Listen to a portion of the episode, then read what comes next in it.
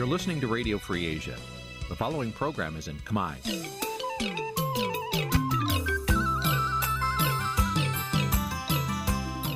នេះជាកម្មវិធីផ្សាយ Vuthu Azizi Serai នេះជាកម្មវិធីផ្សាយរបស់ Vuthu Azizi Serai ជាភាសាខ្មែរ Vuthu Azizi Serai សូមស្វាគមន៍លោកអ្នកនាងទាំងអស់ពីរដ្ឋធានី Washington នៃសហរដ្ឋអាមេរិក បាទពីរដ្ឋធានីវ៉ាស៊ីនតោនខ្ញុំបាទសេកបណ្ឌិតសូមជម្រាបសួរអស់លោកអ្នកនាងកញ្ញាទាំងអស់ជាទីមេត្រីបាទយើងខ្ញុំសូមជូនកម្មវិធីផ្សាយសម្រាប់រាត្រីថ្ងៃប្រហោះ4កើតខែផលគុណឆ្នាំខាលចត្វាស័កពុទ្ធសករាជ2566ត្រូវនឹងថ្ងៃទី23ខែកុម្ភៈគ្រិស្តសករាជ2023បាទជាដំបូងនេះសូមអញ្ជើញអស់លោកអ្នកនាងស្ដាប់ព័ត៌មានប្រចាំថ្ងៃដែលមានមេតិការដូចតទៅ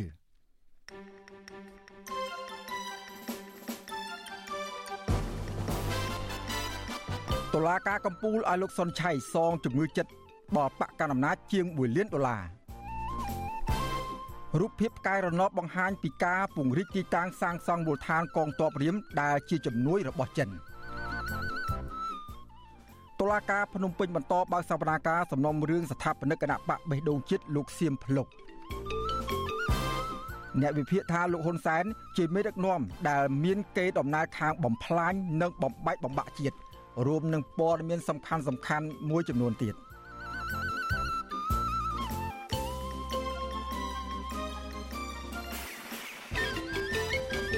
បាទជាបន្តទៅទៀតនេះខ្ញុំបាទសេកបណ្ឌិតសូមជូនព័ត៌មានពិស្ដាបាទលោកនាងកញ្ញាជាទីមេត្រីតុលាការកំពូលសម្រេចបិទផ្លូវតវ៉ាលើសំណុំរឿងបកកណ្ដាលអំណាច និងគោជបប្តឹងលោកសុនឆៃពីបទបរហាកេដោយឲ្យលោកសុនឆៃចាញ់ក្តីភៀកគីដើមមិនដឹងដដែលបាទមន្ត្រីសង្គមស៊ីវិលស្នើទៅគណៈបកកណ្ដាលអំណាច ថាគួរមានការយោគយល់ដល់លោកសុនឆៃនិងបំភ្លេចចោលប្រាក់សំណងជំងឺចិត្តជាង1លានដុល្លារ បាទពីរដ្ឋធានី Washington អ្នកស្រីសុជីវីរាយការណ៍អំពីរឿងនេះប្រធានក្រុមប្រឹក្សាជំនុំជម្រះនិងជាអនុប្រធានតុលាការកំពូលលោកជីវកេងបានប្រកាសសាលដីកាសំណុំរឿងអនុប្រធានគណៈបកភ្លើងទៀនលោកសុនឆៃដោយតម្កល់សេចក្តីសម្រេចរបស់សាលាឧទ្ធរទុកជាបានការដដែលសេចក្តីសម្រេចចុងក្រោយរបស់តុលាការកំពូលនេះដូចទៅនឹងការចង់បានរបស់ប្រធានគណៈបកកណ្ដាលអំណាចលោកនាយរដ្ឋមន្ត្រីហ៊ុនសែន អ្នកនាំពាក្យគណៈបកភ្លើងទៀនលោកកឹមសុភិរិទ្ធលើកឡើងថាគណៈបកភ្លើងទៀននៅតែមិនទាន់អស់ចិត្តលើការសម្រេចក្តីរបស់តុលាការកំពូលនៅពេលនេះទេលោកបន្តទៀតថាការតម្រូវឲ្យលោកសុនឆៃបង់ប្រាក់ជំងឺចិត្តទៅភៀកគីដើមចោតដល់ទៅ1លានដុល្លារគឺច្រើនលើសលប់ដែលតុលាការនៅប្រទេសមួយចំនួនទាមទារប្រាក់ជំងឺចិត្តនៅក្នុងសំណុំរឿងបែបនេះគឺត្រឹមប្រាក់តិចតួចបំផុតឬត្រឹមប្រាក់1ដុល្លារតែប៉ុណ្ណោះអ្នកនាំពាក្យគណៈបកភ្លើងទៀនរូបនេះ នៅមិនទាន់ដឹងថាតុលាការកំពូលទុករយៈពេលប៉ុន្មានឲ្យលោកសុនឆៃសម្រាប់រកប្រាក់ទៅបង់ប្រាក់ជំងឺចិត្តជូនភៀកគីឈ្នះក្តីនោះនៅឡើយទេប៉ុន្តែលោកចង់ឃើញថាគណៈបកកាន់អំណាចគួរមានការយោគយល់ឬបន្ធូរបន្ថយការទារប្រាក់ជំងឺចិត្តពីលោកសុនឆៃ និយាយឲ្យវិសួរស្ដាប់ថាយើងរស់នៅក្នុងប្រទេសមួយហ្នឹងគេយកច្បាប់អញ្ចឹងអញ្ចឹងយើងអត់មានអីគេបិទផ្លូវតវ៉ាពីព្រោះវាដល់កពូលទេណាអញ្ចឹងមានតែអាដាមសុនឆៃដែលជាចុងចោតហ្នឹងគាត់ទឹកគូណារកលុយលោកកាក់សងគេអញ្ចឹងទៅទៅតាមអ្វីដែលគេប្រកបប៉ុន្តែយើងនៅតែមិនអស់ចិត្តអញ្ចឹងតុលាការកំពូលនៅព្រឹកថ្ងៃទី23ខែកុម្ភៈបានប្រកាសសាលដីកាដោយគ្មានវត្តមានលោកសុនឆៃទេ មានតែមេធាវីការពារក្តីរបស់លោកគឺលោកមេធាវីជួងជូងីនិងមេធាវីភិក្ខីដាបបណ្ដឹងគឺលោកមេធាវីគីតិចសវនាការនេះមានការឃ្លាំមើលពីតំណាងស្ថានទូតអូស្ត្រាលី និងសហភាពអឺរ៉ុបនៅខាងក្រៅតុលាការវិញកងកម្លាំងស្លៀកពាក់ស៊ីវិលនិងស្លៀកពាក់ឯកសន្តានប្រមាណ30នាក់ត្រូវបានគេដាក់ពង្រាយដើម្បីតាមឃ្លាំមើលសកម្មភាពរបស់សកម្មជនគណបកភ្លើងទៀនប្រហែល10នាក់ដែលមកតាមដានស្ដាប់លទ្ធផល។ តកតងបញ្ហានេះវិទ្យុអាស៊ីសេរីមិនអាចសុំការអធិប្បាយណាមួយពីអនុប្រធានគណៈបកភ្លឹងទៀនលោកសុនឆៃមេធាវីការពារក្តីរបស់លោកគឺលោកជួងជូងីនិងមេធាវីភិក្ខីដើមបណ្ដឹងគឺលោកមេធាវីគីតិចបាននៅឡើយទេ នៅថ្ងៃទី23ខែកុម្ភៈចំណែកអ្នកនាំពាក្យគណៈបកប្រជាជនកម្ពុជាលោកសុកអេសានយល់ថាការសម្ដែងរបស់តុលាការកំពូលនៅពេលនេះជាការផ្ដាល់យុត្តិធម៌ដល់គណៈបករបស់លោកលោកសុកអេសានឲ្យដឹងទៀតថា គណៈបកកាន់អំណាចនៅតែទាមទារប្រាក់ជំងឺចិត្តពីលោកសុនឆៃចំនួន1លានដុល្លារដដែលខ្ញុំអត់យល់យ៉ាងម៉េចទេអាហ្នឹងគឺតែយើងគោរពឆន្ទានុសិទ្ធិរបស់តុលាការដែលលោកបានកាត់សេចក្តី3ជំហានមកហើយហើយនៅតែឲ្យរកយុត្តិធម៌ឲ្យគណៈបកប្រជាជនកម្ពុជានិងកោជបបាទយើងស្ងប់អារម្មណ៍ហើយពីព្រោះទទួលបានយុត្តិធម៌ហើយតុលាការក្រុងភ្នំពេញនិងសាលាឧទ្ធរភ្នំពេញ បានកាត់សេចក្តីឲ្យលោកសុនឆៃចាញ់ក្តីគណៈបកកណ្ដាលអំណាចនិងគណៈកម្មាធិការជាតិរៀបចំការបោះឆ្នោតហៅកាត់ថាកោជបនៅក្នុងសំណុំរឿងបរិហាកេករណីលោកសុនឆៃ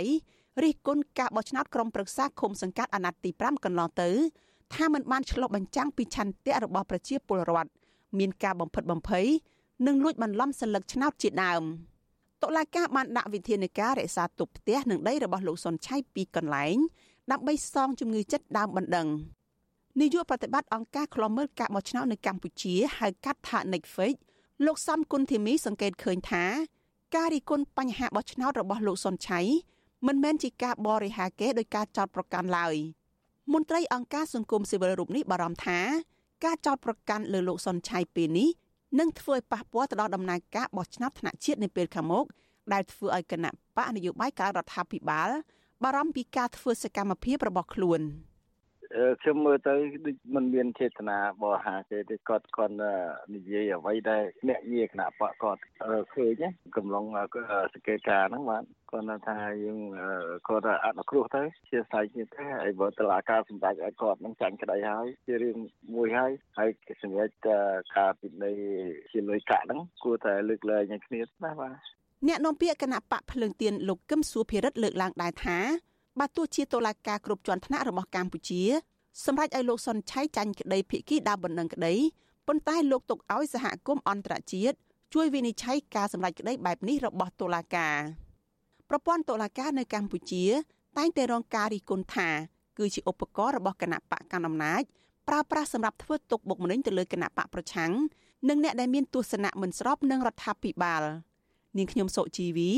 វិទ្យុអាស៊ីសេរីពីរដ្ឋធានី Washington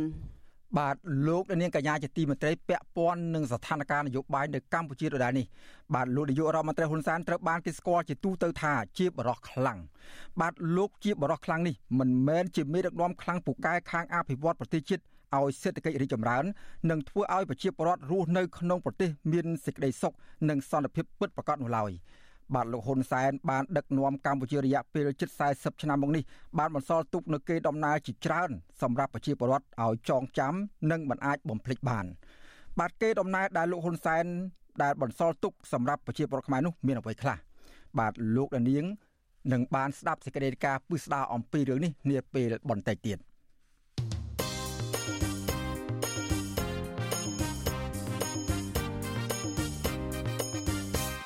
បាទលោកនាងកញ្ញាជាទីមន្ត្រីពាក់ព័ន្ធនឹងរឿងក្តីក្តាមនៅតុលាការនោះដែរចៅក្រមនៃសាលាដំបងរាជធានីភ្នំពេញបន្តបើកសវនាការជំនុំជម្រះរឿងក្តីសំណុំរឿងរបស់ស្ថាបនិកគណៈបកបេះដូងជាតិលោកសៀមភ្លុកដោយការបន្តសាកសួរសាក់សីបាទមន្ត្រីសង្គមស៊ីវិលមើលឃើញថាសំណុំរឿងនេះពុំមែនជាកំហុសរបស់លោកសៀមភ្លុកទេដូច្នេះតុលាការគួរតែទម្លាក់ចោលការចោទប្រកាន់និងដោះលែងឲ្យនិងដោះលែងលោកឲ្យមានសេរីភាពមកវិញ។ បាទពីរដ្ឋធានី Washington លោកនៅវណ្ណរិនរាយការណ៍អំពីរឿងនេះ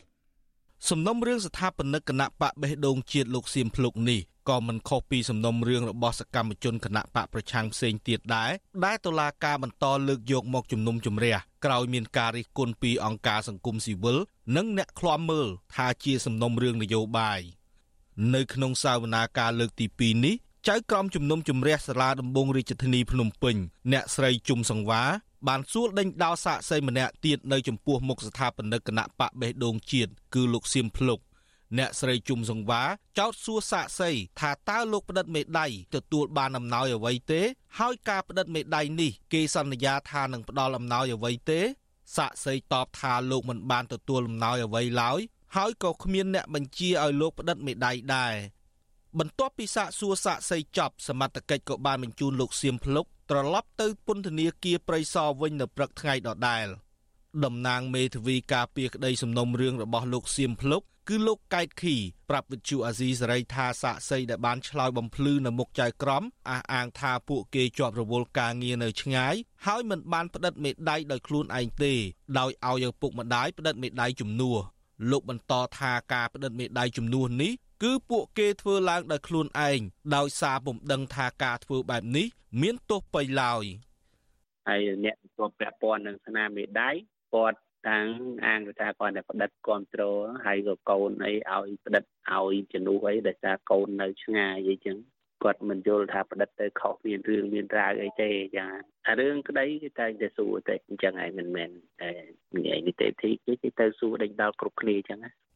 សវនាការលើកទី2នេះមានអ្នកគ្រប់គ្រងលោកសៀមភ្លុកប្រមាណ10នាក់តាមដានឃ្លាំមើលនៅមុខតុលាការចំណែកនៅជុំវិញតុលាការវិញក៏មានកម្លាំងសមត្ថកិច្ចប្រមាណ10នាក់ដាក់ពង្រាយការពារសវត្ថិភាពផងដែរ កន្លងមក ស្ថាបនិកគណៈបកបេះដូងជាតិលោកសៀមភ្លុកធ្លាប់លើកឡើងនៅក្នុងតុលាការថាលោកគ្មានបំណងទុច្ចរិតណាមួយក្នុងការក្លែងបន្លំឯកសារដើម្បីបង្កើតគណៈបកបេះដូងជាតិកាលពីឆ្នាំ2021កន្លងទៅនោះទេលោកបន្តថាលោកក៏មិនមែនជាអ្នកចុះផ្ទាល់ទៅប្រមូលស្នាមមេដៃពីអ្នកគាំទ្រនោះដែរគឺតំណាងគណៈបកនៅតាមខេត្តជាអ្នករៀបចំជុំ វិញរឿងនេះប្រធានសមាគមការពារសិទ្ធិមនុស្សអាត6លោកនីសុខា មានប្រសាសន៍ថាតុលាការមិនគួរបន្តក្តីក្តាំលើសំណុំរឿងនេះនោះទេព្រោះធ្វើឲ្យប៉ះពាល់ដល់ការរឹតបន្តឹងសិទ្ធិសេរីភាពធ្វើនយោបាយរបស់លោកសៀមភ្លុកលោកបញ្ជាក់ថាតុលាការក៏គួរតែទម្លាក់ចោលការចោទប្រកាន់លើលោកសៀមភ្លុក និងដោះលែងលោកឲ្យមានសិទ្ធិសេរីភាពឡើងវិញ។ ព្រោះយើងពិនិត្យទៅលើអង្គហេតុទាំងអស់នោះវាអត់មានគាត់ពាក់ព័ន្ធអីគាត់អត់បានដឹងអំពីរឿងរ៉ាវទាំងអស់នោះទេហើយខ្ញុំគិតថារដ្ឋាភិបាលពិសេសតុលាការគួរតែយកច្បាប់ស្ដីអំពីការធ្វើហៅថាគណៈបកនយោបាយដើម្បីមកដោះស្រាយហើយក្រសួងមហាផ្ទៃគួរតែមានការកែសម្រួលរឿងនេះវិញអានឹងជារឿងមួយដែលខ្ញុំគិតថាជាការដោះស្រាយបញ្ហាការ ការគណៈបកនយោបាយនេះគឺឈរទៅលើគោលការណ៍ច្បាប់គណៈបកនយោបាយទៅដើម្បីយកមកដោះស្រាយបញ្ហានេះជាការប្រសើរជាងយើងមានការផ្ដឹងផ្ដល់រឿងនឹងទៅតុលាការសមត្ថកិច្ចបានចាប់ឃុំខ្លួនស្ថាបនិកគណៈបកបេះដូងជាតិលោកសៀមភ្លុកដាក់ពន្ធនាគារព្រៃសរចាប់តាំងពីថ្ងៃទី27ខែមេសា តាក់ទងនឹងបទចោតក្លែងបន្លំ និងប្រើប្រាស់លិខិតក្លែងតាមបណ្ដឹងរបស់ក្រសួងមហាផ្ទៃពាក់ព័ន្ធនឹងការស្នើសុំបង្កើតគណៈបកបេះដូងជាតិកាលពីឆ្នាំ2021សំណុំរឿងនេះក៏មានពាក់ព័ន្ធនឹងមនុស្ស10នាក់ផ្សេងទៀតផងដែរក៏ប៉ុន្តែតុលាការអនុញ្ញាតឲ្យពួកគេនៅក្រៅឃុំបណ្ដោះអាសន្នលើកលែងតែលោកសៀមភ្លុកនោះទេ ដែលកំពុងជាប់ឃុំឃាំងកន្លងមកមេធាវីជួងជូងី រិះគន់តុលាការថាឃុំខ្លួនលោកសៀមភ្លុកពាក់ព័ន្ធនឹងរឿងស្នាមមេដៃគឺអយុត្តិធម៌ចំពោះកូនក្តីលោកណាស់ព្រោះក្នុងចំណោមស្នាមមេដៃដែលបានដាក់ជូនក្រសួងមហាផ្ទៃគឺមានបញ្ហាតែជាង200ស្នាមមេដៃតែប៉ុណ្ណោះក្នុងចំណោមស្នាមមេដៃជាង4000ហើយបើទោះជាក្រសួងមិនទទួលស្គាល់ថាស្នាមមេដៃមានបញ្ហាទាំងនោះក៏ស្នាមមេដៃដែលនៅសេសសល់អាចគ្រប់ចំនួនស្នើបង្កើតគណៈបកបានដែរ តុលាការនឹងបន្តសាវនាការនេះជាថ្មីនៅថ្ងៃទី2មីនាខាងមុខដែលជាសាវនាការអានចម្លើយសាកសីដែលមិនបានចូលបំភ្លឺនិងការឆ្លើយរបស់សមត្ថកិច្ចដែលធ្វើកសលវិច័យលើស្នាមមេដៃខ្ញុំបាទនៅវណ្ណរិន With Chu Azizi Saray ពីរដ្ឋធានី Washington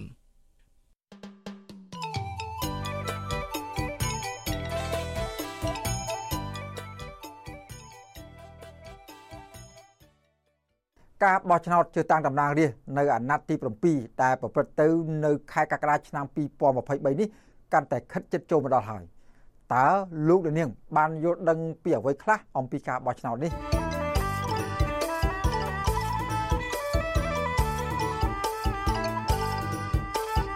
យុទ្ធសួរអស់លោកនាងកញ្ញាជាទីមេត្រីខ្ញុំបាទសេបណ្ឌិត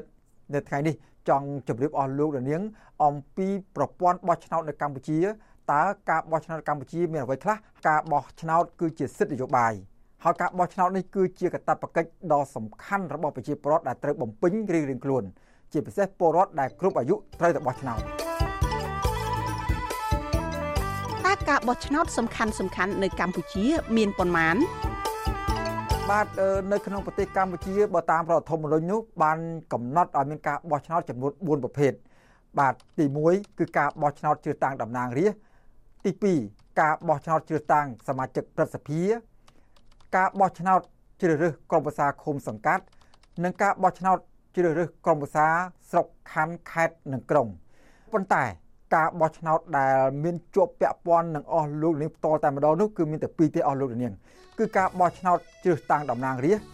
និងការបោះឆ្នោតជ្រើសរើសក្រុមប្រឹក្សាគុំសង្កាត់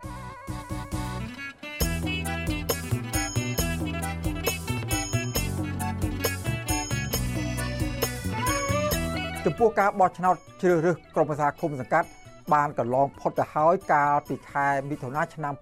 2022បាទចំពោះការបោះឆ្នោតជ្រើសតាំងតំណាងរាស្ត្រអាណត្តិទី7វិញ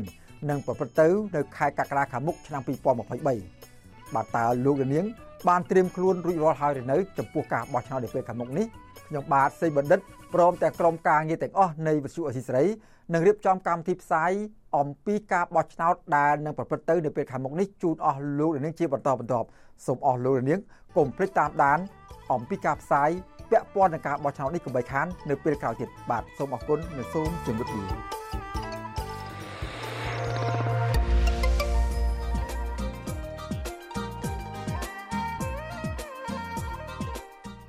បាទលោកនាងកញ្ញាជាទីមេត្រីលោកនាងកំពុងតាមដានស្ដាប់ការផ្សាយរបស់វិទ្យុអាស៊ីសេរីពីរដ្ឋធានីវ៉ាស៊ីនតោនសហរដ្ឋអាមេរិកបាទស្របពេលដែលការបោះឆ្នោតកាន់តែខិតជោគជ័យមកដល់រដូវកាលទិញដូររបស់រដ្ឋាភិបាលលោកហ៊ុនសែនក៏ចាប់ផ្ដើមដែរបាទយុវជនមួយចំនួនដែលធ្លាប់ជាអ្នកធ្វើការងារសង្គមឬតាំងខ្លួនជាអ្នកកែមលែនិយមបាននាំគ្នាទៅចុះចូលជាមួយនឹងគណៈបកកណ្ដាលអំណាចដោយហេតុផលរៀងៗខ្លួន បាទអ្នកខ្លះអាចមកពីការខ្លាចការគៀបសង្កត់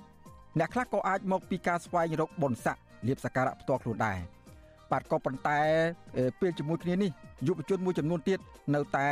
ប្រកាន់ជំហររឹងមាំតស៊ូក្រាញននៀលនិងបដូរផ្ដាច់ដើម្បីបបផែតសង្គមនិងប្រយោជន៍សាធារណៈបាទតើមូលហេតុអ្វីបានជាបុណ្យស័ក្តិលៀបសក្ការៈមិនអាចអន្តងចិត្តពួកគាត់បាន បាទ តើយុវជន គួរជ្រើសរើសមួយណា រវាងផលប្រយោជន៍បុគ្គលនិងផលប្រយោជន៍សាធារណៈបាទនេះជាប្រធានបទនៃនីតិវិទ្យាអ្នកស្ដាប់របស់វិទ្យុអាស៊ីសេរី ដែលនឹងជជែកគ្នាអំពីរឿងនេះនៅថ្ងៃសុក្រស្អែកនេះគុំសូមលោកនាង ចូលរួមតាមដានស្ដាប់ការផ្សាយរបស់វិទ្យុអស៊ីសេរីនៅក្នុងនីតិវិទ្យាអ្នកស្ដាប់របស់វិទ្យុអស៊ីសេរីនៅយប់ស្អែកនេះកុំបីខានបើសិនជាលោកនាង មានសំណួរឬក៏ចង់សួរ ចូលរួមមតិមតិយោបល់ជុំវិញប្រធានបទនេះសូមអញ្ជើញអស់លោកនាងដាក់លេខទូរស័ព្ទនៅក្នុងខ្ទង់ comment ដែលកំពុងផ្សាយផ្ទាល់របស់វិទ្យុអស៊ីសេរីតាមរយៈ YouTube និង Facebook ក្រុមការងាររបស់វិទ្យុអស៊ីសេរីនឹងហៅត្រឡប់ទៅលោកអ្នកវិញបាទសូមអរគុណបាទលោកនាងកញ្ញាជាទីមេត្រីយើងមិនទាន់ទៅណាឆ្ងាយអំពីរឿងរ៉ាវនយោបាយនៅក្នុងប្រទេសកម្ពុជានោះឡើយទេបាទលោកនាយករដ្ឋមន្ត្រីហ៊ុនសែនត្រូវបានគេស្គាល់ជាទូទៅថាជាបរិះខ្លាំង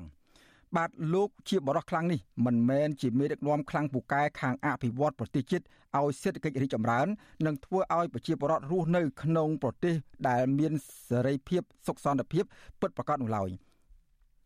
បាទលោកហ៊ុនសែនបានដឹកនាំកម្ពុជារយៈពេលជិត40ឆ្នាំមកនេះបន្សល់ទុកនៅតែគេដំណើរជាច្រើនសម្រាប់ឲ្យប្រជាពលរដ្ឋចងចាំនិងមិនអាចបំភ្លេចបាន បាទតើគេដំណើររបស់លោកហ៊ុនសែន បានបន្សល់ទុកសម្រាប់ប្រជាពលរដ្ឋនោះមានអ្វីខ្លះបាទសូមលោកនាង រងចាំស្ដាប់សេចក្តីរាយការណ៍អំពីរឿងនេះនាពេលបន្តិចទៀតបាទលោកនាងកញ្ញាជាទីមេត្រីពាក់ព័ន្ធនឹងស្ថានភាពនយោបាយដដែលនេះលោកនាយករដ្ឋមន្ត្រីហ៊ុនសែនបញ្ជាក់បញ្ជាដល់ស្ថាប័នព័ត៌មាន បញ្ជាដល់ស្ថាប័នមានសមត្ថកិច្ចឲ្យបង្កើនការទប់ស្កាត់នៅរាល់ឧក្រិដ្ឋកម្មនានាជាពិសេសឧក្រិដ្ឋកម្មជួញដូរមនុស្សនិងក្រុមឈ្មួញដែលលួចផលិតគ្រឿងញៀននៅកម្ពុជាបាទអ្នកឃ្លាំមើលអះអាងថាឬគោលសំខាន់ដែលបទល្មើសឧក្រិដ្ឋនានា នៅតែបន្តកើតមានឡើងនោះគឺដោយសារតែនិទានភាពឬគ្មានការដាក់ទោសពៃទៅលើជនល្មើសបាទពីរដ្ឋធានី Washington លោកទីនសាការីយ៉ារាយការណ៍អំពីរឿងនេះ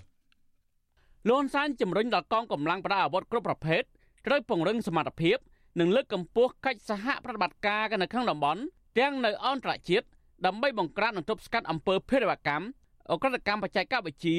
និងអំពើជួញដូរមនុស្សគ្រប់ប្រភេទឲ្យមានប្រសិទ្ធភាព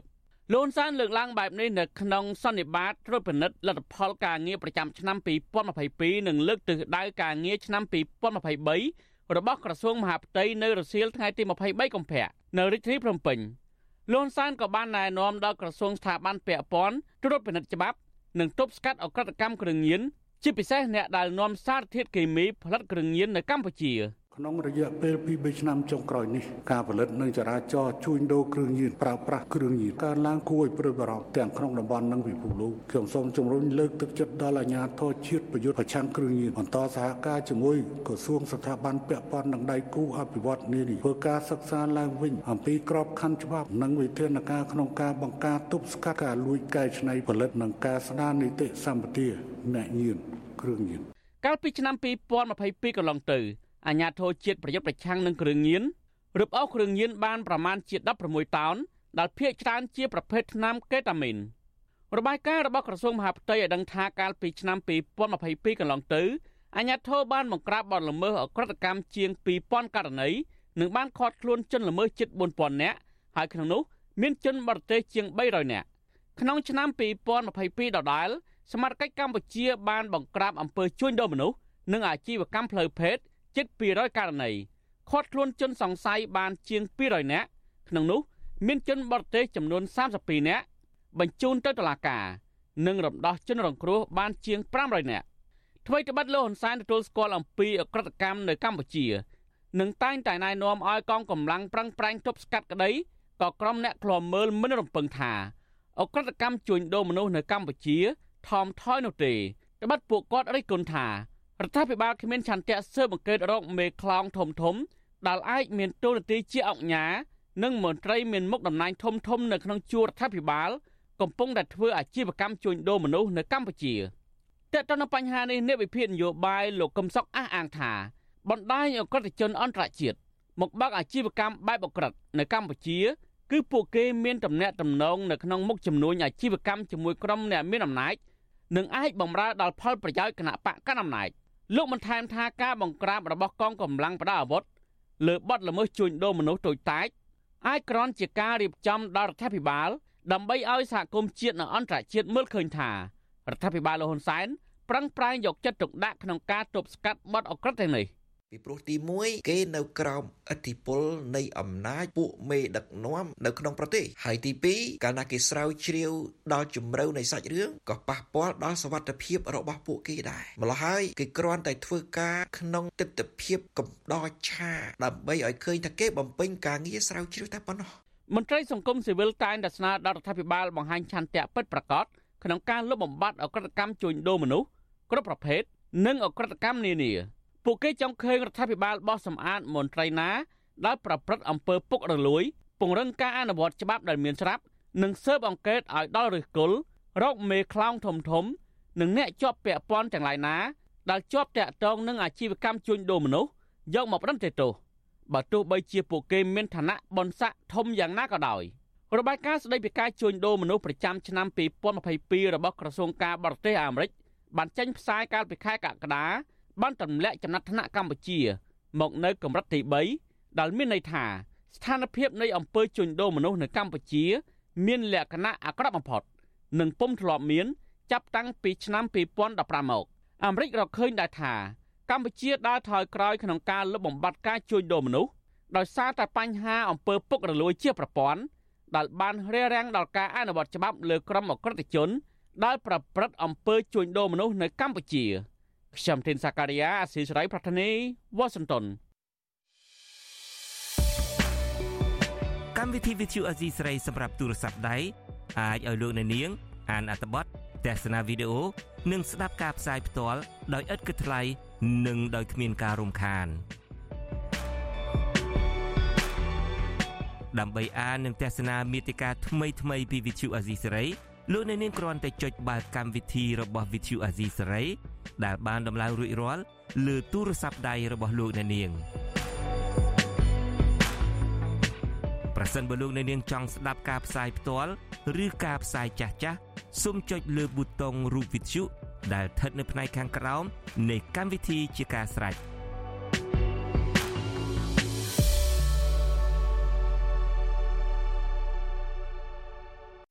ក្រុមកោតក្រ Nagavel ដែលភាកច្រើនតាមដានស្ដាប់ការផ្សាយរបស់វិទ្យុអសីសេរីពីរដ្ឋធានីវ៉ាស៊ីនតោនសហរដ្ឋអាមេរិកបាទពាក់ព័ន្ធនឹងស្ថានភាពរបស់ក្រមកោតក្រ Nagawal វិញម្ដង បាទក្រមកោតក្រ Nagawal អំពាវនាវដល់កូនប្រុសលោកហ៊ុនសែនគឺលោកហ៊ុនម៉ាណែតឲ្យជួយអន្តរាគមន៍ដោះស្រាយវិវាទការងារដ៏រ៉ាំរ៉ៃមួយនេះ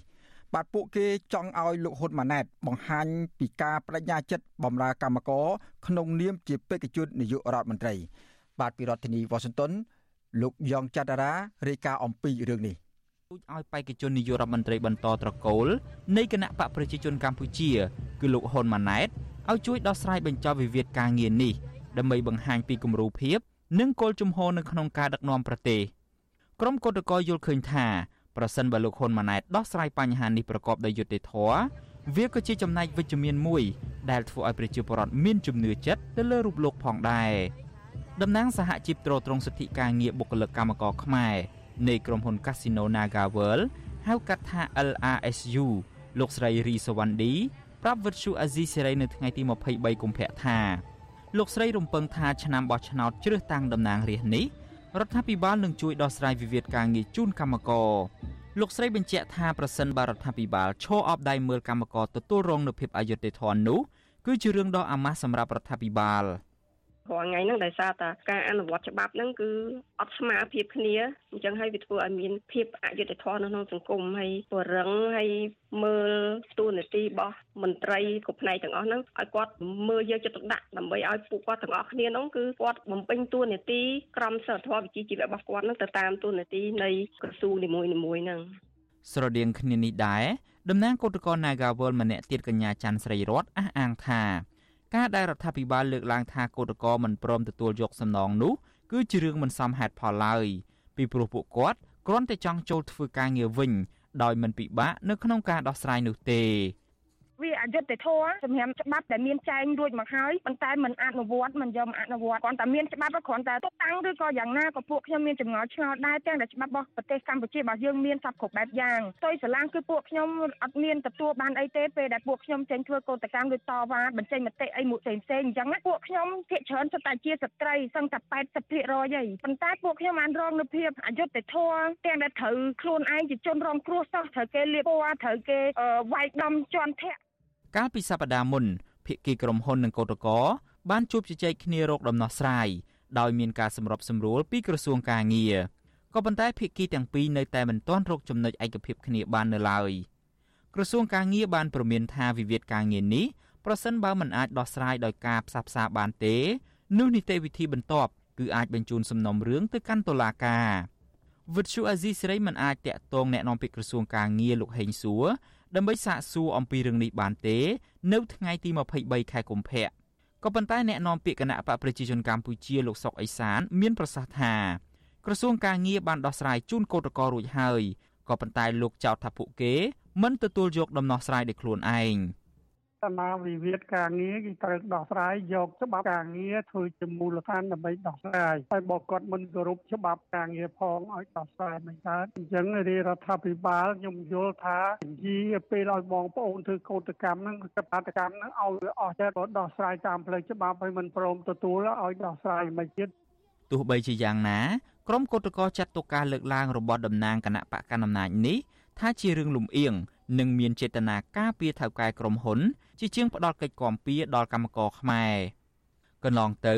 ក្រុមកោតក្រ Nagawal ធ្លាប់បានដាក់ញត្តិស្វែងរកកិច្ចអន្តរាគមន៍ជាច្រើនលើកពីលោកនាយរដ្ឋមន្ត្រីហ៊ុនសែនពីរដ្ឋសភានិងក្រសួងមហាផ្ទៃដែរក៏ប៉ុន្តែពុំមានការឆ្លើយតបជាវិជ្ជមាននោះឡើយលើសពីនេះទៅទៀតសាលារដ្ឋាភិបាលភ្នំពេញតំណាងរាជគណៈបកប្រជាជនកម្ពុជាលោកសចម្រុងនិងមន្ត្រីជាន់ខ្ពស់ក្រសួងកាងារ និងជាមនុស្សចំណិតរបស់លោកហ៊ុនម៉ាណែតគឺលោកហេងសួរព្រមទាំងប្រព័ន្ធឃោសនារបស់រដ្ឋាភិបាលបានព្យាយាមបង្កើនការវាយប្រហារទូរស័ព្ទគម្រាមកំហែងនិងលាបពណ៌ទៅលើក្រុមកោតក្រថាធ្វើការតវ៉ាដោយខុសច្បាប់ និងស៊ីឈ្នួលសម្ដែងធ្វើកោតកម្មជាដើមការចោតប្រកាន់ទាំងអស់នេះហើយដែលបានធ្វើឲ្យកោតក្រ Nagawal ជាច្រើនអ្នកដែលភ ieck ច្រើនជាស្ត្រីនោះត្រូវបានអាជ្ញាធរថ្នាក់ក្រោមចាប់ដាក់គុកវាយដំទាត់ធាក់រហូតដល់ស្ត្រីខ្លះបែកមុខបែកមាត់ និងមានស្ត្រីម្នាក់រលូតកូនក្នុងផ្ទៃទៀតផងជុំវិញរឿងនេះប្រធានសមាគមការពារសិទ្ធិមនុស្សអាត6លោកនីសុខាយល់ឃើញថារដ្ឋាភិបាលមិនត្រូវស្ដីបន្ទោសទៅលើក្រុមកោតក្រនោះទេលោកថារដ្ឋាភិបាលត្រូវតែពន្យាការដោះស្រាយរឿងនេះជូនកោតក្រ Nagawal ឲ្យបានឆាប់ កុំប្រើប្រាស់វិធានការក្នុងការបំបិតនៅសិទ្ធិសេរីភាពដោយយកគោលការណ៍ហ្នឹងថាជាមូលដ្ឋានក្នុងការដោះស្រាយដូចជាការចាប់ខ្លួនការចោទប្រកាន់ការរៀបរៀងការបំរៀងបំហែងបំផិតបំភ័យអីមិនឲ្យគេធ្វើប្រើប្រាស់សិទ្ធិសេរីភាពក្នុងការធ្វើកតកម្មហ្នឹងមិនមែនជាដំណោះស្រាយទេអ្វីដែលជាដំណោះស្រាយល្អដើម្បីឈ្នះទាំងអស់គ្នាគឺមានតែដាក់បញ្ហានៅលើតុឈរនៅលើការចរចាដែលមានអាជ្ញាកណ្ដាលមួយនៅជាអ្នកកណ្ដាលជាអ្នកមិនលំអៀង រដ្ឋាភិបាលលោកហ៊ុនសែនកំពុងទទួលរងការរិះគន់ជាខ្លាំងពីសហគមន៍ជាតិនិងអន្តរជាតិពាក់ព័ន្ធទៅនឹងការរំលោភសិទ្ធិស្ត្រី និងកំសោយនៃការដោះស្រាយវិវាទរវាងបុគ្គលនិងក្រុមហ៊ុន Casino NagaWorld កន្លងទៅ អ្នកខ្លំមើលសង្ស័យថាការដែលលោកហ៊ុនសែនមិនមានប្រតិកម្មណាមួយទៅលើបញ្ហានេះទំនងជាដោយសារតែក្រុមគ្រួសាររបស់លោកមានទំនាក់ទំនងស្អិតល្មួតជាមួយថៅកែក្រុមហ៊ុន NagaWorld ជាក់ស្ដែងកាលពីឆ្នាំ2017 មានសារបែកធ្លាយឆ្លើយឆ្លងជាអក្សរនៅតាមទូរស័ព្ទដែលមានឈ្មោះភរិយា និងកូនរបស់លោកនាយរដ្ឋមន្ត្រីហ៊ុនសែនកូនរបស់លោកឧបនាយករដ្ឋមន្ត្រីសុកអាន មានទំនាក់ទំនងជាមួយម្ចាស់កាស៊ីណូ Naga World គឺលោកតាន់ស្រីតកតងទៅនឹងការស្វះស្វែងរកដំណោះស្រាយនេះក្រុមកោតក្រ Naga World អះអាងថាពួកគាត់នឹងមិនបោះបង់ចោលការតស៊ូរបស់ពួកគាត់ឡើយរហូតទាល់តែមានដំណោះស្រាយសមរម្យខ្ញុំយ៉ងច័ន្ទដារា Virtual Azizi Serai Washington ប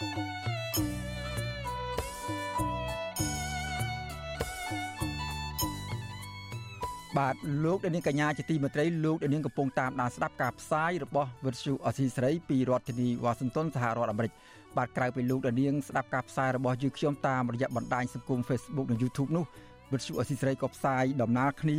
តាមរយៈរលកធារកាខ្លីឬ Shortwave ដែលមានកម្រិតកម្ពស់ឬតទៅនេះបាទពេលព្រឹកចាប់ពីម៉ោង5កន្លះដល់ម៉ោង6កន្លះតាមរយៈប៉ុស SW 9.39 MHz ស្មើនឹងកម្ពស់ 32m និងប៉ុស SW 11.85 MHz ស្មើនឹងកម្ពស់ 25m បាទនៅពេលយប់ចាប់ពីម៉ោង7កន្លះដល់ម៉ោង8កន្លះតាមរយៈប៉ុស SW 9.39 MHz ស្មើនឹងកម្ពស់ 32m ប៉ុស SW 11.88 MHz ស្មើនឹងកម្ពស់ 25m និងប៉ុស SW 15.15 MHz ស្មើនឹងកម្ពស់ 20m បាទសូមអរគុណ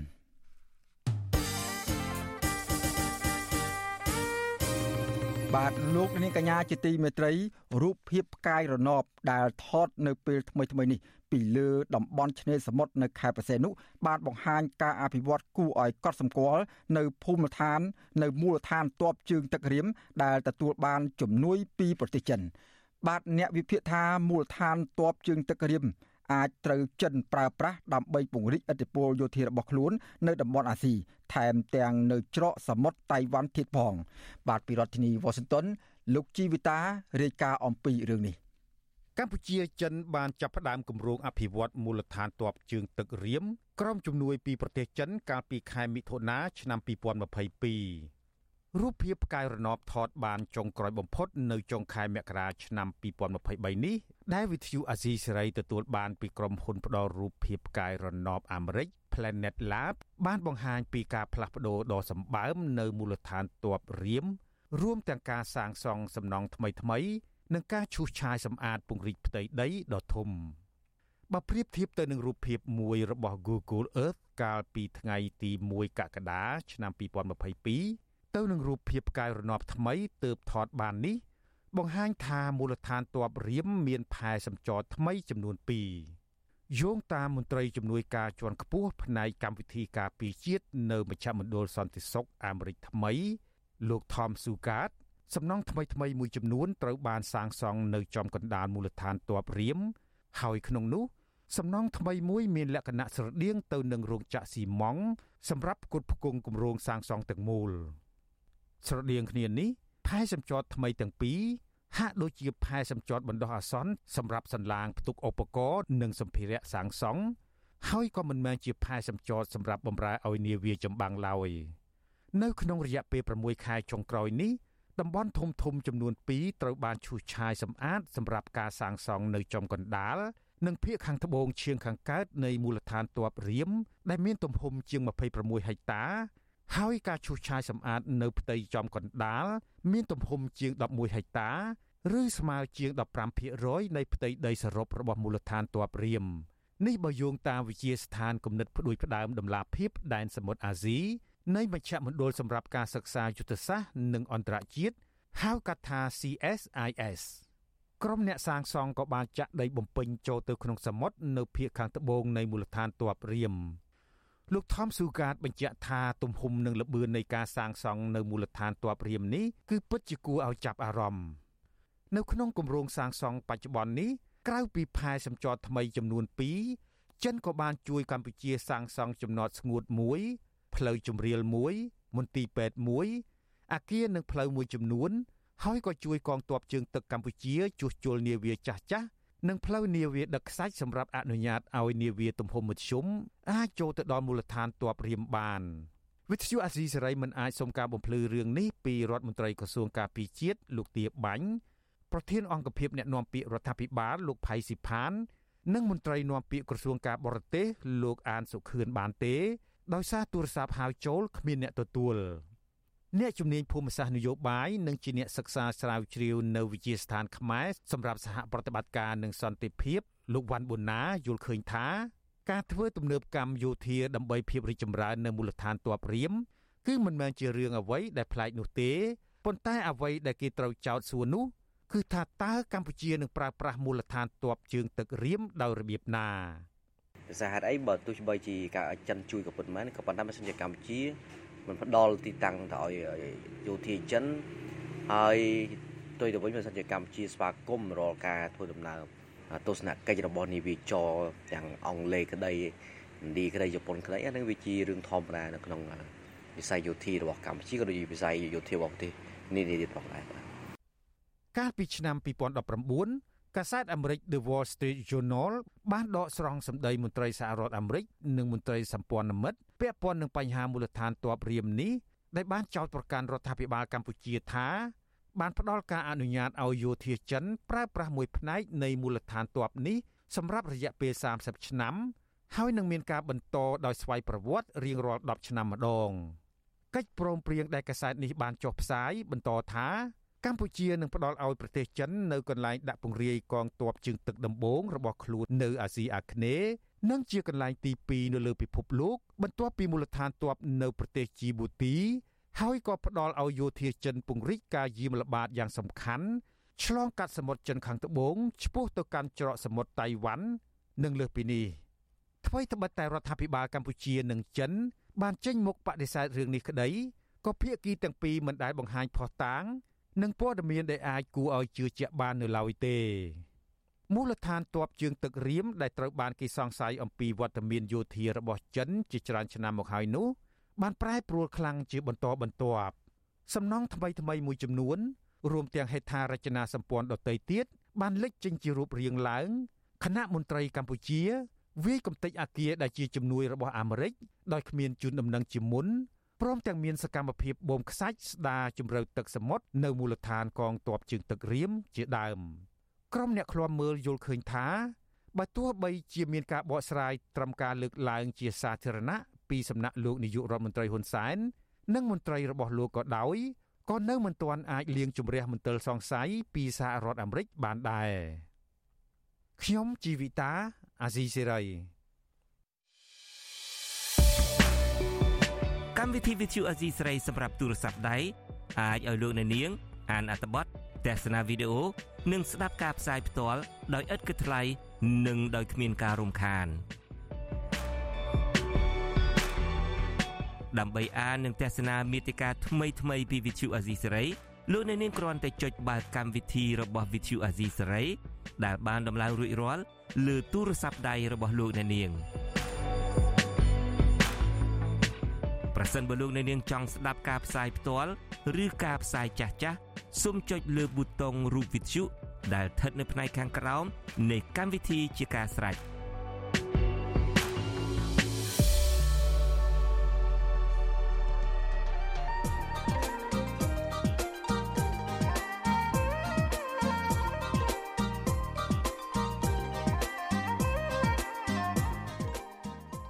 បាទលោកនាងកញ្ញាជាទីមេត្រីលោកនាងកំពុងតាមដានស្ដាប់ការផ្សាយរបស់វិទ្យុអសីសេរីពីរដ្ឋធានីវ៉ាស៊ីនតោនសហរដ្ឋអាមេរិកបាទស្របពេលដែលការបោះឆ្នោតកាន់តែខិតជិតចូលមកដល់រដូវកាលទិញដូររបស់រដ្ឋាភិបាលលោកហ៊ុនសែនក៏ចាប់ផ្ដើមដែរបាទយុវជនមួយចំនួន ដែលធ្លាប់ជាអ្នកធ្វើការងារសង្គមឬតាំងខ្លួនជាអ្នកកែមលេខនិយមបាននាំគ្នាទៅចុះចូលជាមួយនឹងគណៈបកកណ្ដាលអំណាចដោយហេតុផលរៀងៗខ្លួន បាទអ្នកខ្លះ អាចមកពីខ្លាចការគៀបសង្កត់ អ្នកខ្លះក៏អាចមកពីការស្វែងរកបុណ្យស័ក្តិលៀបសក្ការៈផ្ទាល់ខ្លួនដែរក៏ប៉ុន្តែ ក្នុងពេលជាមួយគ្នានេះយុវជនមួយចំនួនទៀតនៅតែប្រកាន់ជំហររឹងមាំតស៊ូក្រាញននៀលនិងបដូរផ្ដាច់ដើម្បីបបផាត់សង្គមនិងផលប្រយោជន៍សាធារណៈបាទតើមូលហេតុអ្វីបានជាបុណ្យស័ក្តិលៀបសក្ការៈมันអាចអន្តោងចិត្តពួកគាត់បាន បាទ តើយុវជនគួរជ្រើសរើសមួយណា រវាង ផលប្រយោជន៍បុគ្គលនិងប្រយោជន៍សាធារណៈនោះបាទអឺនេះគឺជាប្រធានបទរបស់នេតិវិទ្យាអ្នកស្ដាប់របស់វិទ្យុអសីសេរីដែលនឹងជជែកគ្នានៅយប់ថ្ងៃសុក្រស្អែកនេះសូមអស់លោកនាងតាមដាននិងចូលរួមជាមួយនឹងយើងខ្ញុំនៅថ្ងៃស្អែកនេះកុំបីខាន បាទបើសិនជាលោកដានៀងមានបំណងចង់ចូលរួមផ្ដល់ជាបតិយោបល់ឬក៏មានសំណួរសួរទៅកាន់វាគ្មិនរបស់យើងនៅយប់ស្អែកនេះសូមអស់លោកដានៀងដាក់លេខទូរស័ព្ទនៅក្នុងខ្ទង់ comment ដែលកំពុងផ្សាយផ្ទាល់នៅពេលនោះក្រុមការងាររបស់វិទ្យុអស៊ីសេរីនឹងហៅត្រឡប់ទៅលោកអ្នកវិញបាទសូមអរគុណបាទលោកនាងកញ្ញាជាទីមេត្រីជនជាតិដើមភាគតិចភ្នងនៅខេត្តមណ្ឌលគិរីជាង100នាក់ បានលើកគ្នាតវ៉ាប្រឆាំងនឹងសំណើកាត់ជ្រឿដីព្រៃសហគមន៍ជាង600ហិកតា ជាទីកន្លែងអាស្រ័យផលព្រៃឈើនិងប្រភពសេដ្ឋកិច្ចរបស់អ្នកភូមិបាទពួកគាត់អះអាងថាក្រមឈ្មួញដែលមានរឿងអាស្រូវលក់ដីព្រៃជាមុខរបរអាជីពកំពុងគៀកោប្រជាពលរដ្ឋរាប់រយនាក់ខុបខិតជាមួយនឹងអាជ្ញាធរធ្វើប្លង់រឹងប៉ះពាល់ចំលើតំបន់អភិរក្សដែលពួកគាត់អាស្រ័យផលបាទលោកដានៀងនឹងបានស្ដាប់សេចក្តីរាយការណ៍អំពីរឿងនេះនៅព្រឹកស្អែក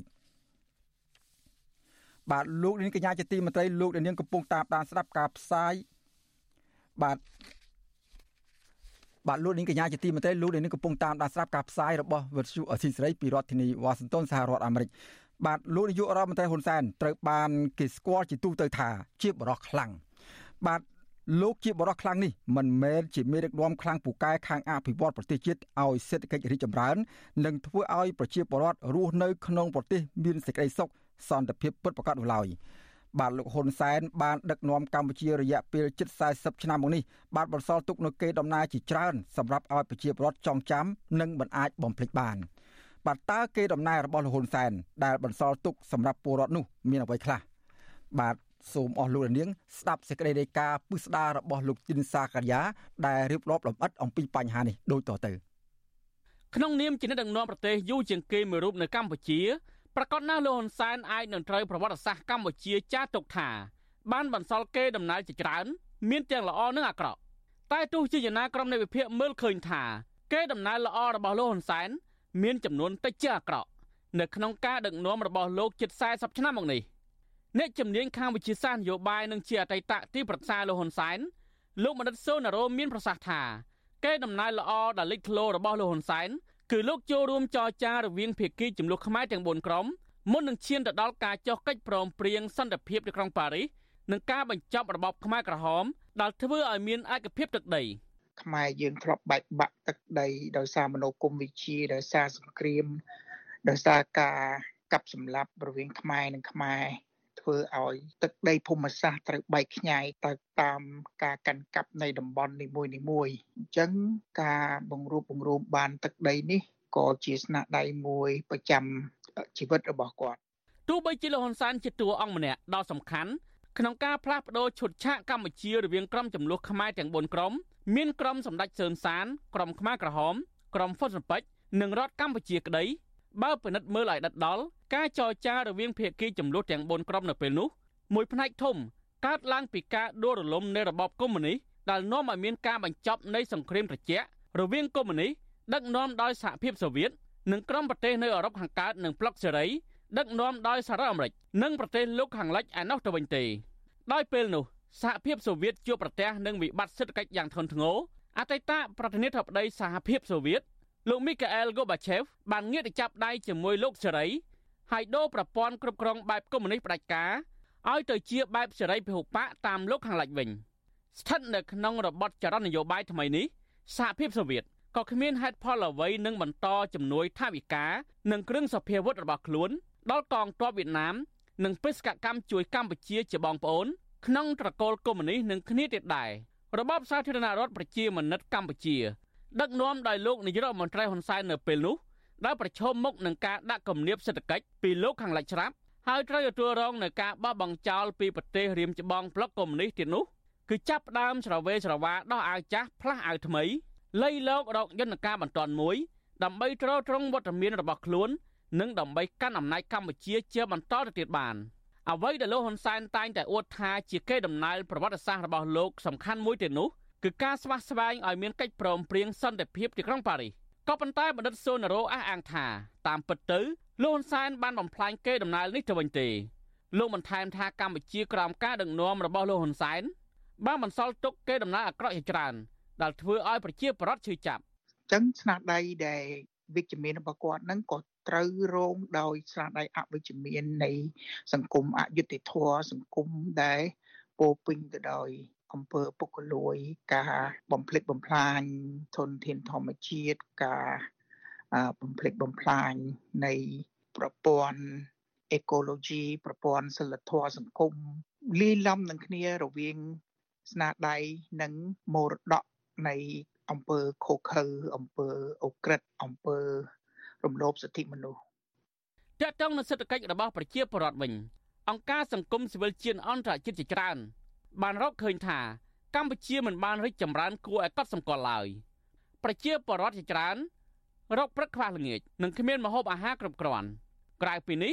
ក៏មានពលរដ្ឋចម្ពាក់បំណុលគ្រឹះស្ថានមេក្រូហិរញ្ញវត្ថុជាច្រើនទៀតដែរទាក់ទងនឹងបញ្ហានេះនិវិភាននយោបាយលោកកឹមសុខលើកឡើងថាកម្ពុជាក្រោមការដឹកនាំរបស់លោកហ៊ុនសែននេះបានបន្សល់នៅមរតកអាក្រក់ជាច្រើន ជាពិសេសធ្វើឲ្យប្រជាពលរដ្ឋរងការលំបាកផ្នែកសេដ្ឋកិច្ច ដោយប្រជាពលរដ្ឋមួយចំនួនសឹងតែរកអង្គច្រកឆ្នាំងគ្មានវិវាស់ស្តង់ដារជីវភាពរបស់ប្រជាពលរដ្ឋទៅតាមគោលការណ៍នៃ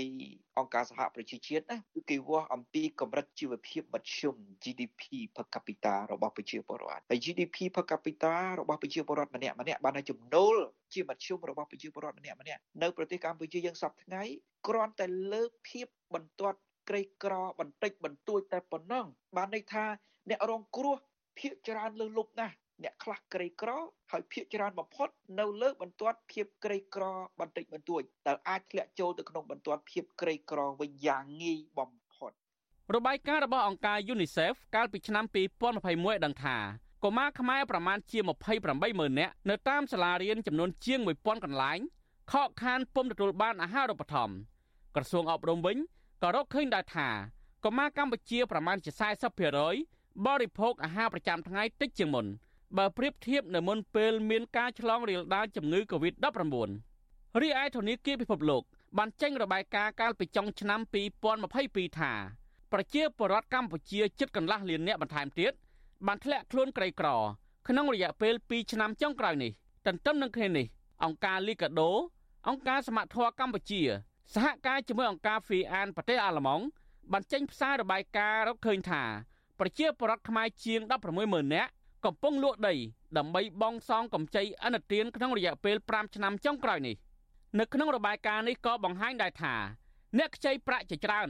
បានរងគ្រោះពីការរំលោភសិទ្ធិមនុស្សហើយពួកគេទាំងនោះជាញឹកញាប់ត្រូវកាត់បន្ថយការបរិភោគអាហារនិងឲ្យកូនកូនរបស់ពួកគេឈប់រៀនដោយបង្ខំឲ្យទៅរកការងារធ្វើដើម្បីរកប្រាក់មកសងបំណុលធនាគារតើតើនឹងការអភិវឌ្ឍសេដ្ឋកិច្ចនេះ គ្មានអ្វីគួរឲ្យសង្ស័យឡើយកូនប្រុសច្បងរបស់លោកហ៊ុនសែនដែលត្រូវឪពុកកំពុងតែផ្គូផ្គងឲ្យបន្តតំណែងជំនួសផងនោះអះអាងថាឪពុករបស់លោកបានបន្សល់នៅគេដំណើររាប់មិនអស់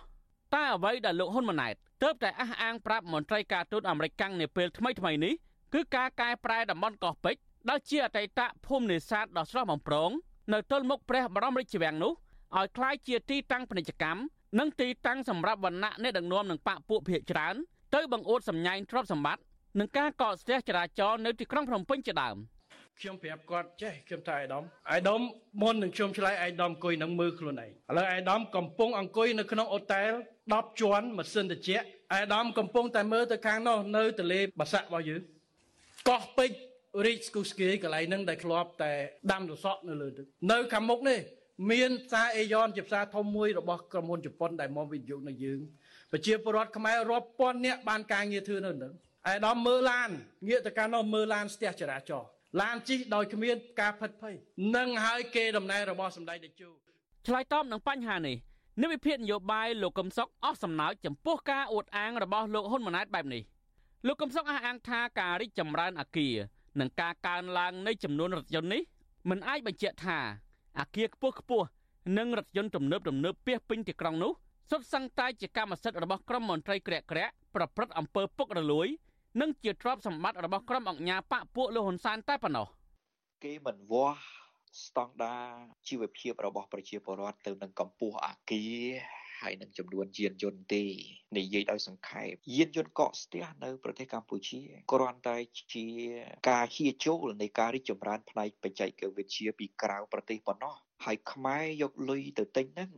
ជាពិសេសយានយន្តទំនើបទំនើបដែលមានតម្លៃដល់លានដុល្លារគឺពួកអ្នកដឹកនាំពួកអង្គការមួយចំនួន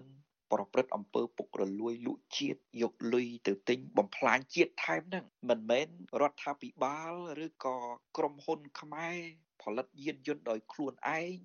ហើយលក់យកលុយចំណេញទៅកសាងជាតិឯណាយកលុយជាតិនិងលុយប្រជាពលរដ្ឋទៅទិញយានយន្តប្រើប្រាស់ហ្នឹងនេះមិនបញ្ជាក់ពីការរីកចម្រើនរបស់ជាតិទេរីឯការអភិវឌ្ឍជាតិវិញ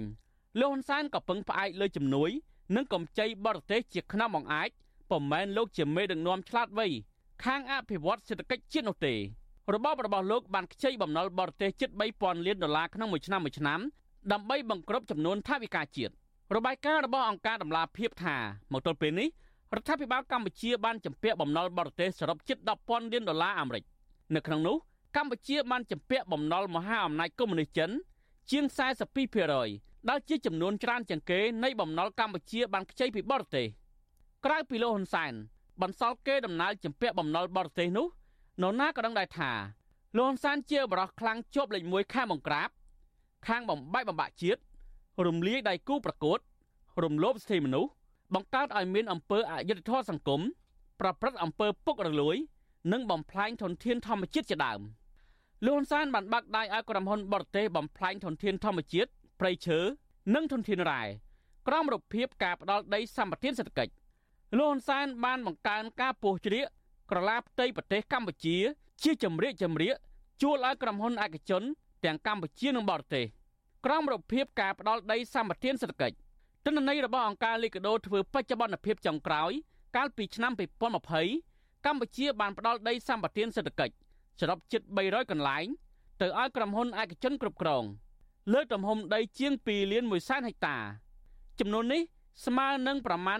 12%នៃក្រឡាផ្ទៃប្រទេសកម្ពុជាទាំងមូលលើសពីនេះទៀតជាការកត់សម្គាល់លោកហ៊ុនសែនខុសពីមេដឹកនាំពិភពលោកដទៃទៀតដែរលោកយកបរដ្ឋខ្លួនឯងធ្វើជាសត្រូវលោកហ៊ាននិយាយទាំងមិនញញើតច្បាប់អ្វីឡើយលោកសោកស្ដាយដែលលោកមិនបានសម្លាប់កោតកោបកប្រឆាំងកាលពីឆ្នាំ2014បើលោកដឹងថាអ្នកទាំងនោះមានបំណងចង់បដូររំលំរបបរបស់លោកទោះជាត្រូវសម្លាប់មនុស្ស100ឬ200នាក់ ក៏លោកមិនសោកស្ដាយដែរលើសពីនេះលោកហ៊ុនសែនក៏ជាមេដឹកនាំពូកែខាងបំបាយបំបាក់ជាតិដែរលោកបានបង្កើតឲ្យមានសុខសន្តិភាព សម្រាប់ក្រុមបកពួករបស់ខ្លួនអាចរស់នៅក្នុងប្រទេសបានដោយគ្មានការភ័យខ្លាចរីឯក្រុមអ្នកប្រឆាំងអ្នករិះគន់មួយចំនួនត្រូវប្រត់ប្រាស់ប្រពន្ធកូនឬជាប់ពន្ធនាគារក្រុមគ្រួសារពួកគេមួយចំនួនបានស្លាប់ចោលស្វាមីនៅក្នុងពន្ធនាគារទាំងជឿចាប់និងអយុត្តិធម៌ អ្នកខ្លះទៀតត្រូវបង្ខំចិត្តរត់ចោលស្រុកដើម្បីសវត្ថិភាពជាដើមម្យ៉ាងវិញទៀតបរដ្ឋខ្មែរមិនអាចឈឺឆ្អាលពីបញ្ហាព្រំដែនឬនិយាយថាវៀតណាមឈ្លានពានទឹកដីកម្ពុជាបានឡើយមិនថាមេដឹកនាំបកប្រឆាំងឬសកម្មជនព្រំដែននោះទេលោកហ៊ុនសែនចាប់ដាក់គុកទាំងអស់ឥតរើសមុខទន្ទឹមនឹងលោកបើកដៃឲ្យជនអន្តោប្រវេសន៍វៀតណាមនិងចិនចូលមករស់នៅកម្ពុជាយ៉ាងសុខសាន្តថែមទៀតផងក្រៅពីការវាយខ្នោះចាប់ចងមនុស្សដាក់គុកនោះគឺការបាញ់សម្លាប់ របបដឹកនាំរបស់លោកហ៊ុនសែនមិនញញើតដៃក្នុងការបាញ់សម្លាប់មនុស្សក្នុងនោះមានអ្នកកសែតព្រះសង្ឃសកម្មជនបរិស្ថានដូចជាលោកជុនវុធីមេដឹកនាំសហជីពលោកជាវិជានិងករណីចុងក្រោយបាញ់សម្លាប់នៃវិភាគនយោបាយឥតសំចៃមាត់គឺបណ្ឌិតកែមលីជាដើមបញ្ហាទាំងអស់នេះត្រូវបានអង្គការសិទ្ធិមនុស្សអន្តរជាតិ Human Rights Watch ចេញរបាយការណ៍កន្លងមកដាក់ឈ្មោះលោកហ៊ុនសែនថាជាមេដឹកនាំបាត់ដៃកខ្វក់ដែលជាគេដំណើរចារទុកជាប្រវត្តិសាស្ត្រ សម្រាប់ឲ្យប្រជាពលរដ្ឋខ្មែរចងចាំខ្ញុំធីនសាការីយ៉ាអស៊ីសេរីប្រធានីវ៉ាស៊ីនតោន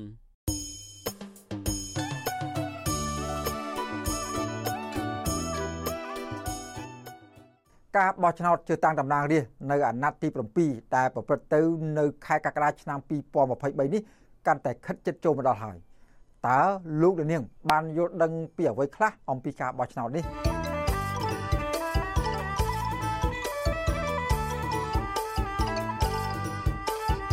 ជម្រាបសួរអស់លោកនាងកញ្ញាជាទីមេត្រីខ្ញុំបាទសេបណ្ឌិតនៅថ្ងៃនេះចង់ជម្រាបអស់លោកនាង អំពីប្រព័ន្ធបោះឆ្នោតនៅកម្ពុជាតើការបោះឆ្នោតកម្ពុជាមានអ្វីខ្លះការបោះឆ្នោតគឺជាសិទ្ធិនយោបាយហើយការបោះឆ្នោតនេះគឺជាកាតព្វកិច្ចដ៏សំខាន់របស់ប្រជាពលរដ្ឋដែលត្រូវបំពេញរៀងៗខ្លួន ជាពិសេសពលរដ្ឋដែលគ្រប់អាយុត្រូវតែបោះឆ្នោត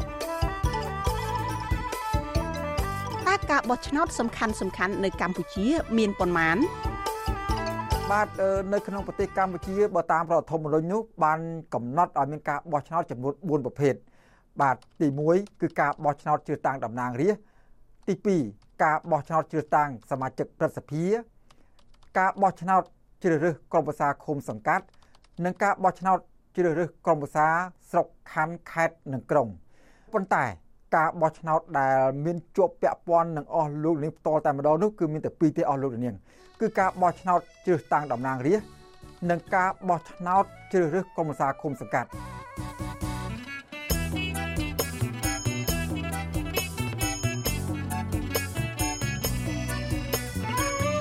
ចំពោះការបោះឆ្នោតជ្រើសរើសក្រុមប្រឹក្សាឃុំសង្កាត់បានកន្លងផុតទៅហើយកាលពីខែមិថុនាឆ្នាំ2022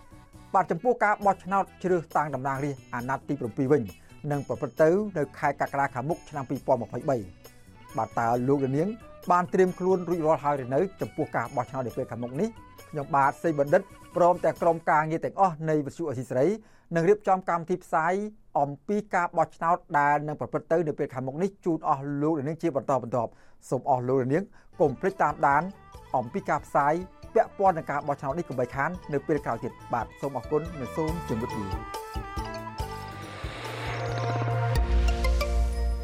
បាទលោកនាងកញ្ញាជាទីមេត្រី បាទវីដេអូដែលនិយាយអំពីការបោះឆ្នោតនៅកម្ពុជាក៏នឹងមានផ្សាយជូនអស់លោកលាននៅតាមគេហទំព័រផ្លូវការរបស់វិទ្យុអស៊ីសេរីនិង YouTube និង Facebook របស់អស៊ីសេរីដែរ សូមអស់លោកនាងបើសិនជាចង់តាមដាននិងទស្សនាអំពីការបោះឆ្នោតនៅកម្ពុជានៅពេលខាងមុខនេះម្ដងទៀតនោះសូមអញ្ជើញអស់លោកនាងចូលទៅកាន់គេហទំព័ររបស់វិទ្យុអស៊ីសេរីនិង YouTube Facebook របស់អាស៊ីសេរីផងដែរបាទសូមអរគុណបាទឥឡូវនេះពាក់ព័ន្ធនឹងការផ្ទុះឡើងវិញជាថ្មីទៀតនៃជំងឺនៃជំងឺប្រះសាយបាក់សីបាទកុមារីអាយុ11ឆ្នាំម្នាក់នៅខេត្តព្រៃវែងបានស្លាប់ដោយសារជំងឺផ្ដាសាយបាក់សីប្រភេទ H5N1 កាលពីថ្ងៃ22កុម្ភៈនិងជាករណីឆ្លងលើមនុស្សលើកដំបូងក្នុងរយៈពេល9ឆ្នាំចុងក្រោយនេះបាទកុមារីស្លាប់ដោយសារជំងឺផ្ដាសាយបាក់សីនេះរស់នៅភូមិរលីងឃុំជេកស្រុកស៊ីធកណ្ដាលខេត្តព្រៃវែងដោយកុមារីរងគ្រោះបានចាប់ផ្ដើមឈឺតាំងពីថ្ងៃទី16ខែកុម្ភៈហើយមានរោគសញ្ញាគ្រុនក្តៅ39អង្សាសេព្រមទាំងក្អកនិងឈឺបំពង់ក បាទក្រសួងសុខាភិបាលឲ្យដឹងថាតាមការសាកសួរនៅក្នុងបឹងអភិរក្សក្បែរភូមិកមារីរូបនេះរស់នៅ មានសត្វព្រៃងាប់ច្រើនខុសពីធម្មតាខណៈពេទ្យសត្វដែលបានចុះយកសំណាក់ទៅវិភាគនៅថ្ងៃទី17ខែកុម្ភៈនៅមិនទាន់ទទួលបានលទ្ធផលនៅឡើយទេបាទក្រសួងបន្ថែមថានេះគឺជាករណីឆ្លងវីរុស H5N1 លើមនុស្សលើកទី1ក្នុងរយៈពេល9ឆ្នាំចុងក្រោយនេះខណៈដែលកម្ពុជាបានរកឃើញករណីឆ្លងលើកដំបូងបំផុតចាប់តាំងពីឆ្នាំ2005ហើយគិតមកទល់នឹងពេលនេះមានរយៈមានករណីឆ្លងលើមនុស្សសរុបចំនួន57នាក់ក្នុងនោះមានកុមារអាយុក្រោម14ឆ្នាំចំនួន45នាក់ក្នុងចំណោមអ្នកដែលបានឆ្លងវីរុស H5N1 ទាំង57នាក់នេះគឺនៅមានជីវិតត្រឹមតែ19នាក់ បាទក្រសួងសុខាភិបាលរំលឹកអាណាព្យាបាលត្រូវដាក់កុមារឲ្យស្ថិតនៅឆ្ងាយពីសត្វបក្សីឬឈឺងាប់ដែលឈឺឬងាប់និងត្រូវលាងសម្អាតដៃនិងទឹកសាប៊ូជាមួយនឹងទឹកស្អាតមុននឹងពេលបរិភោគអាហារនិងបន្ទាប់ពីប៉ះពាល់បក្សីហើយក្នុងករណីកុមារដកដង្ហើមញាប់ឬពិបាកដង្ហើមត្រូវបញ្ជូនទៅព្យាបាលបន្ទាន់នៅមន្ទីរពេទ្យដែលនៅស្ថិតនៅចិត្ត ផ្ទះអស់លោកអ្នកផ្ទាល់តែម្ដងនឹងត្រូវរាយការណ៍ទៅមន្ត្រីសុខាភិបាលអំពីប្រវត្តិប៉ះពាល់សត្វបក្សីឈឺឬងាប់នោះផងដែរដើម្បីបង្ការអំពីជំងឺនេះបាទលោកនាងកញ្ញាជាទីមេត្រីការផ្សាយរយៈពេល1ម៉ោងរបស់វិទ្យុអាស៊ីសេរីនៅរាត្រីថ្ងៃប្រហ័ននេះបានដល់ទីបញ្ចប់ហើយខ្ញុំបាទសេកបណ្ឌិតព្រមទាំងក្រុមការងារទាំងអស់របស់វិទ្យុអាស៊ីសេរីសូមគោរពជូនពរអស់លោកនាងឲ្យជួបប្រកបតែនឹងសេចក្តីសុខចម្រើនរុងរឿងកំបីគ្លៀងគ្លេឡើយខ្ញុំបាទសូមអរគុណនិងសូមជម្រាប